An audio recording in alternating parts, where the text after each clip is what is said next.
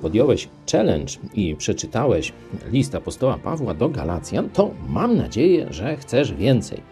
No, stąd nie będę codziennie ci polecał jakiegoś fragmentu, ale być może, jako że zbliża się koniec roku, postanowienia noworoczne i tak dalej, może rozważysz przeczytanie dłuższej księgi. Ja bym ci zaproponował Ewangelię e, świętego Łukasza, e, czyli no, bardziej ja bym powiedział Ewangelię dziennikarza Łukasza i zaraz ci wytłumaczę, dlaczego tak e, twierdzę. Oczywiście on też jest święty w tym sensie, że przyjął od Jezusa przebaczenie wszystkich swoich grzechów i był w tym momencie już zbawiony, czyli święty. Nie?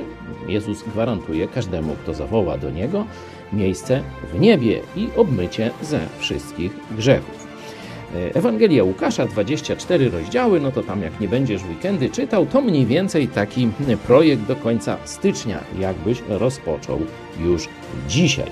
Dlaczego warto właśnie zacząć od tej Ewangelii?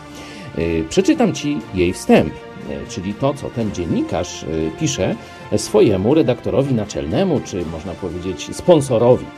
Skoro już wielu podjęło się sporządzenia opisu wydarzeń, które wśród nas się dokonały, jak nam to przekazali naoczni od samego początku świadkowie i słudzy słowa, postanowiłem i ja, który wszystko od początku przebadałem, dokładnie, kolejno ci to opisać, dostojny Teofilu, abyś upewnił się o prawdziwości nauki, jaką odebrałeś.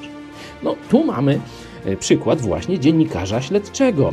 Pojechał tam, rozmawiał ze świadkami, spotkał tych ludzi, wszystko badał, konfrontował różne wersje i stąd powstała jego praca, Ewangelia się nazywa, można powiedzieć długi, długi artykuł opracowujący to, co się wtedy wydarzyło. Jeśli już zrobisz ten challenge i dalej będziesz miał mało, to w naszej bibliotece jest taka książka 101-dniowy eksperyment, byś mógł całą Biblię z lotu ptaka po wybranym rozdziale z różnych ważnych okresów historycznych Biblii, żebyś mógł mieć spojrzenie na całość.